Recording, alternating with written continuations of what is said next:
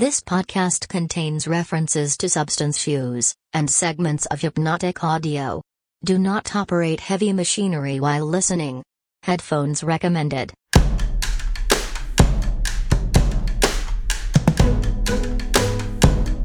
Hi, my name is Hannah Rice, and you're listening to episode 9 of Real Legitimate Apocalypse, my investigation into one sinister Toronto based cult.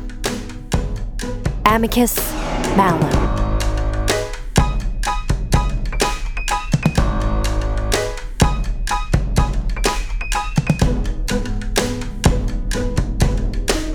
Previously on Real Legitimate Apocalypse.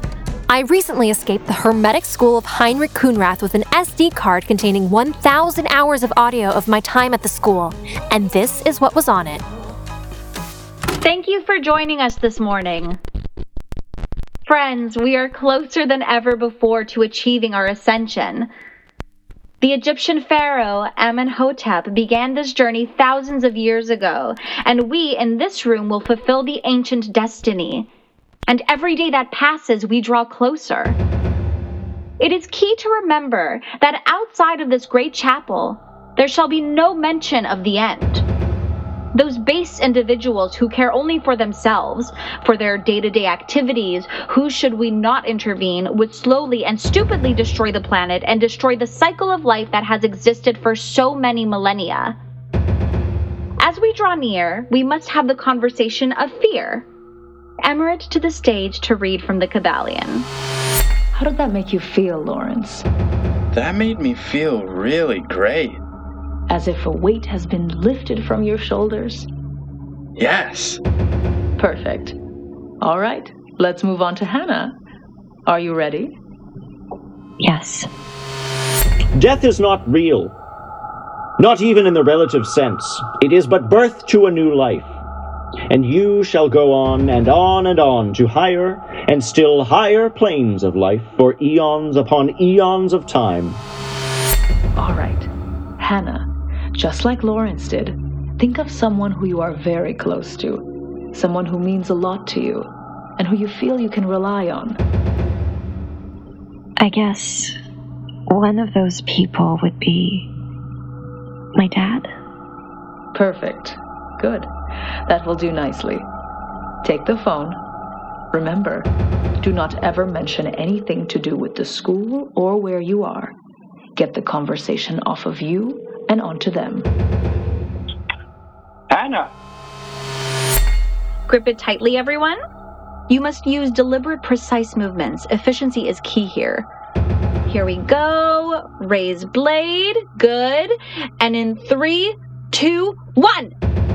Great. Good. Emily, try and put a little more weight behind it next time. The universe is your home, and you shall explore its farthest recesses before the end of time. You are dwelling in the infinite mind of the All, and your possibilities and opportunities are infinite, both in time and space. Hello, Toronto Star Newsroom. Hello, my name is Hannah Rice, and I would like to report a story. All right. Um, where are you calling from? Toronto, Where in Toronto? Oakdale. All right, let's start at the beginning. So there's a vampire circus coming to town. I'm sorry? A vampire circus is coming to town with ghouls and, and gremlins. A vampire circus. Yes, and they've asked me to join their troupe. This newsroom is dealing with some very important stories today. Do not call this number again. And at the end of the grand cycle of eons, when the All shall draw back into itself all of its creations, you will go gladly. For you will then be able to know the whole truth of being at one with the All. Breathe in and breathe out. Crimson. Where are you now? I'm in my uncle's living room, in his house in the woods. And what are you doing in the living room? I'm watching TV. Sabrina the Teenage Witch, the old one. She's a reporter catching someone shoplifting. Breathe in and breathe out. Where's your uncle? I haven't seen him for hours. When the show ends, I look for him. There's a door to the basement stairs. He told me never to go down to the basement. Such is the report of the illumined, those who have advanced well along the path. And in the meantime, rest calm and serene. You are safe and protected by the infinite power of the Father Mother Mind. Hannah! Hannah, I haven't heard your voice in ages. Wow, eh, it's great to hear from you. What's up? Yes, I wanted to talk to you about something. Yeah, yeah, shoot. Do not make the mistake of supposing that the little world you see around you, the Earth, which is a mere grain of dust in the universe, is the universe itself. There are millions upon millions of such worlds and greater. I'm in the basement. There's a hall. I can hear sounds coming from a room down the hall. I can hear my uncle chuckling. smells terrible down here. And there are millions of millions of such universes in existence within the infinite mind of the All. And even in our own little solar system, there are regions and planes of life far higher than ours, and beings compared to which we earthbound mortals are as the slimy life forms that dwell on the ocean's bed when compared to man. Why, why are you saying this? Mom never loved you, Dad, and it's your fault that she left, and it's your fault that I've had such a terrible life. I hate Anna. you so much. The door is ajar. There are beings with powers and attributes higher than man has ever dreamed of the gods possessing. There's a table covered in pots and pans. There are bottles with tubing coming out of them. And yet these beings were once as you, and still lower. You took my mother away and my childhood, and your brother almost killed me. Oh, Hannah, how are you think? Hannah. And you will be even as they, and still higher in time. A package of coffee filters is on the table, and, and pill bottles, and a car battery with acid leaking out the top. A fan is loudly blowing out of the window. For such is the destiny of man as reported by the Illumined. My uncle sitting at the table, chuckling and smoking from a pipe. He looks insane. I've always hated you, Dad. And I always will. And then he sees me. Who the hell is knocking? I couldn't stand it anymore. I walked to the door of my apartment and swung it open. I didn't care anymore. I didn't give a shit who it was. Hannah, It was Lawrence. can I come in? Lawrence looked terrible. He was pale, with hair wet with sweat clinging to his face. I invited him in and he gingerly sat on the couch. Do you want some water? Sure. I got him a glass of water and watched him drink the whole thing. He dropped it on the table and then ground his face into his hands. Lawrence, what are you doing here? I got out. And you came here. I tried to follow you out. I kept thinking about my wife. How do you know where I live? You lived opposite the development on Tyndall. Right. A notice by the elevator said that you were in this unit. A notice? Why didn't you open the door? I was. I was afraid of who it might be. Lawrence, you shouldn't have left. What? You should have stayed. I couldn't. How long do you think you were there for? In the school? I don't know. A couple days? No, Lawrence. They did things to us in there, things we don't remember. Yeah. Call your wife. She didn't pick up when I called her. That's why I came here. But you can't stay here. He couldn't stay here. The truth was, I didn't believe him. Any of it. How would Lawrence, after being so willing to be under hypnosis, so submerged in the hermetic bullshit world, suddenly experience a mind altering epiphany and escape the school? And why, of all places, would he want to come here? Please, Hannah, I don't know where else to go. He looked miserable sitting on my couch, confused. But he was going to feel even worse when I told him what the school had probably, definitely done to him. You want some more water? I was sitting at the large metal desk in my living room, surrounded by heaps of paper overflowing off the desk. Alba had e transferred me alone after our conversation from last week's episode. My stomach was growling so loudly, I, I was feeling faint. So I packed up my bags and headed out for groceries. I stepped out of the elevators and into the rundown lobby of my building. I looked through the glass front doors, and on the curb was a man. A man I recognized. This is from episode 4, back in May, after that High Park meeting. The cyclist was still 10 short feet behind me. I stepped off my bike, lifted it over the curb, and pushed it towards the front entrance, trying not to rush. Panic! I was almost at the front door when, for the first time, I looked over my shoulder. Standing beside their bike, precisely where I had stepped off of mine, was a man. The streetlight over his head cast shadow on his face. This was him now, standing outside of my building. So casually, so confident I wouldn't recognize him. I'd had it. I wasn't just going to roll over and let him and the school watch over me anymore. I was going to fight back. What the fuck do you think you're doing? Excuse me? Oh, you're sick. What? You and the people you work for are disgusting. He feigned confusion, but didn't look like he was about to leave. Get out of here. Hey, don't touch me. Then fuck off. I don't know you. At the grocery store, everyone's eyes were on me. I had difficulty adding up the total cost of the small grocery as I shopped.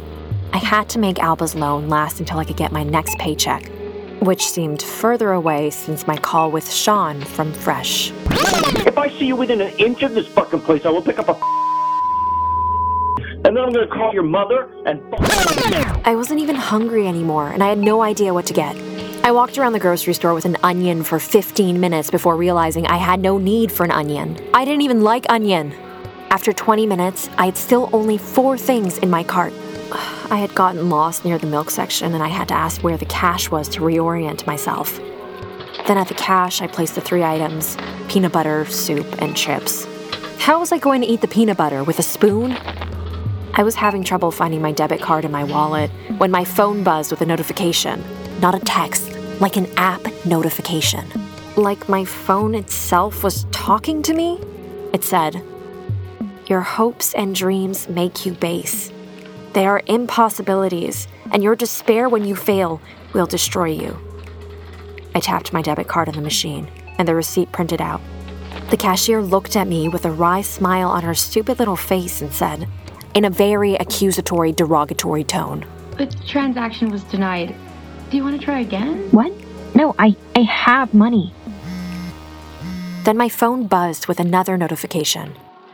If you want to make a purchase, tell the cashier, the wise ones serve on the higher, but rule on the lower, and then try again. Sometimes it works on the second time.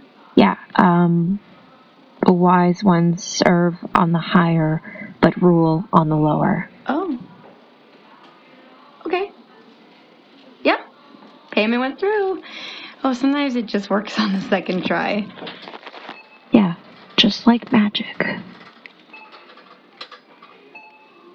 Back outside my apartment building, groceries in hand, there was no man standing outside. I looked up and down the street. There was a man walking down the sidewalk towards me.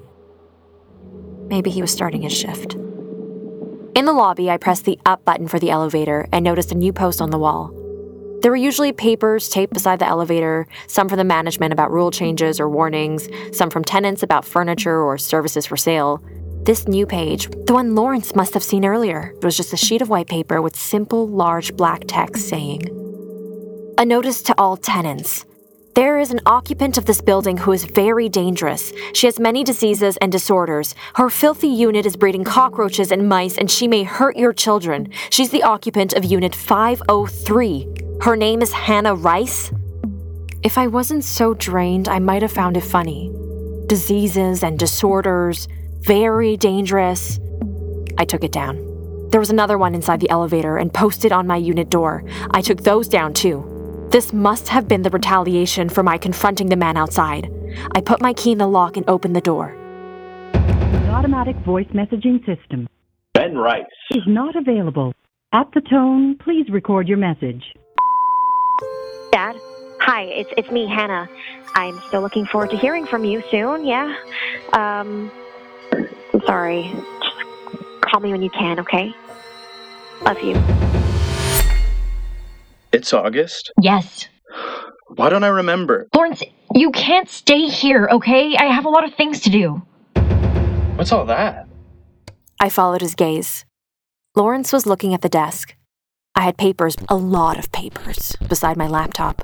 Looking at them, I realized that they might have looked like page after page of insane scribbles, but they were actually timestamps, a log I was making of the 1,000 hour recording and what happened when. Uh, notes. Are you okay? I looked at the notes again. They looked even more insane than they had a second ago. No. Are you? He stared at me like a confused, lost chihuahua. Wait. Is this what happened to us? He had seen my laptop and the audio file waiting to play. Do you have recordings of everything? Lawrence! I couldn't let him know that I had the SD card, especially if he was spying on me for the school. You gotta get out of here. Leave. What happened? Stop! Please don't touch that! He stopped, and then. My children! My laptop started to speak. Oh my god. Oh, calm down, calm down. Oh my god. It was Teresa talking through my computer. Lawrence? Lawrence looked up at me, terrified. Why did you leave us? Well? I realized I didn't want to be there anymore. I closed the laptop, but she didn't stop talking. And you didn't say goodbye? I needed to leave quickly. I wanted to see my family. But Lawrence, we are your family now. I ran into my bedroom with the computer and buried it under the shirts in my drawer where I couldn't hear the voice anymore. I also removed the SD card. How can she do that? Get out of here! Where do I go? Your fucking wife! How many times do I have to tell you? She doesn't love me anymore. We were on the rocks before. Crimson! Lawrence let out all the air in his lungs and sat back down on the couch. He breathed in and breathed out, as if it was all over, as if something had been resolved. Breathe in and breathe out. Thank you. Don't speak. Just breathe in and breathe out. Crimson. Let the sound of the word fill your body. Crimson. Let all this worry and fear and confusion melt away. Crimson. Feel the trauma in your body, the pain and tension. Do you feel it? Yes. That makes you base, weak, full of shit. Let it go. Crimson. Stand up. Look at me. You are going to leave here. You are going to see your wife and try and reconcile. You are going to ignore any attempts the school makes at taking you back. Now go. I put my key in the lock and opened the door. I dropped the bag of groceries onto the kitchen counter and opened the bag of chips. I needed to collect my thoughts. My mind was racing. I picked up my phone and hit record. I guess you could say this is the first thing I recorded for the podcast. Hello, my name is Hannah Rice, and I am fucked. Genuinely fucked. My life has been hijacked. My independence has been destroyed. I don't have the ability to live in my own apartment. I don't have the ability to pay for anything. Almost everybody, save for one person, thank you, Alba, in my life has been removed from me by this school. I guess I have a choice, right? I guess I have a choice of two things. I could become a new person. I could become a brand new person and not be Hannah Rice. I could become, um, Janet Busby. I could become Janet Busby and not Hannah Rice. I could start again. Like, like drop everything and get a new identity and get a new family and new friends and become Janet Busby and forget Hannah Rice. And maybe, if I'm lucky, Hannah Rice will die which is really sad because I do not want to be Janet Busby. No, I don't want to be Janet Busby. I want to be Hannah Rice. But Hannah Rice has got some problems right now. Hannah Rice has got some issues currently, and if Hannah Rice is going to continue to be Hannah Rice and she has to deal with this, and she can't run away from this, and I have to do something to get myself back. Lawrence was back. That didn't take him very long. I went to the door and swung it open, but it wasn't Lawrence. Hannah. It was Lena. Hi, Lena. How are you? I'm I'm so sorry that I haven't. We have to talk. Oh, yeah, yeah. Come in. No, you haven't paid your rent in three months. Yes. Yeah, I know. Um, I understand, and I want to thank you so much for letting me stay here. And now I will. I have received many complaints about you. What? Complaints. People say you are stealing their things. People are telling me that you yell at them, scream, And people are afraid of you. No, uh, that's People Lena. are That's, talking behind your back about how awful you are. Lena, it's not true. You have to true. leave. Now. You are evicted immediately. It started slowly as I packed my things. I started by tossing all my clothes into suitcases and, when there was no more room, into garbage bags. But the garbage bags stretched and tore. Then I went back to the kitchen. I found a box in the recycling and started to stack the plates. And then one fell and smashed. So then I picked up another plate and smashed it. And soon all the plates were smashed, and I started to scream and yell and cry. I grabbed the clock off of the wall and threw it into the garbage bag along with everything on the desk. The porcelain bust of Peter Mansbridge missed the garbage bag and fell to the floor, but it didn't break. So I picked it up and threw it against the wall, where it shattered. I threw all my school books off the shelf into garbage bags, tearing the pages where I could. I didn't know if I was in the process of throwing everything I owned into the garbage or packing, and I didn't care. I grabbed the stupid little dog that Lena had given me a lifetime ago and hurled it across the room. It fell to the ground with a thud. A very loud thud. Too loud for a stuffed toy. I picked it up, dug my nails into the fabric, and pulled at the material. It was tough, well sewn, and my hands were wet from wiping away tears, but I found a weak stitch at the ass of the dog and ripped it apart with all my might. Inside was a camera that poked out of the nose of the dog. Inside was a little microphone. Inside was a red light blinking at me.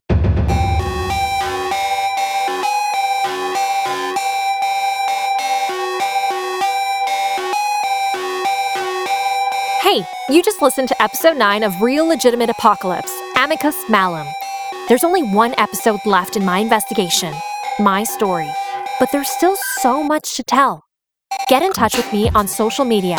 I'm using the handle at RLA Series. I want to talk to you guys. I want to get to know you. I want us to solve this together, wherever you are.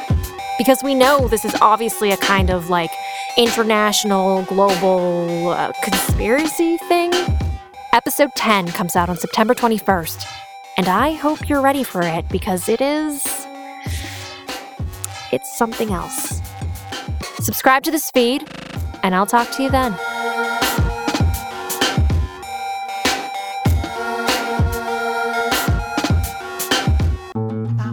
This podcast has been brought to you by the Sonar Network.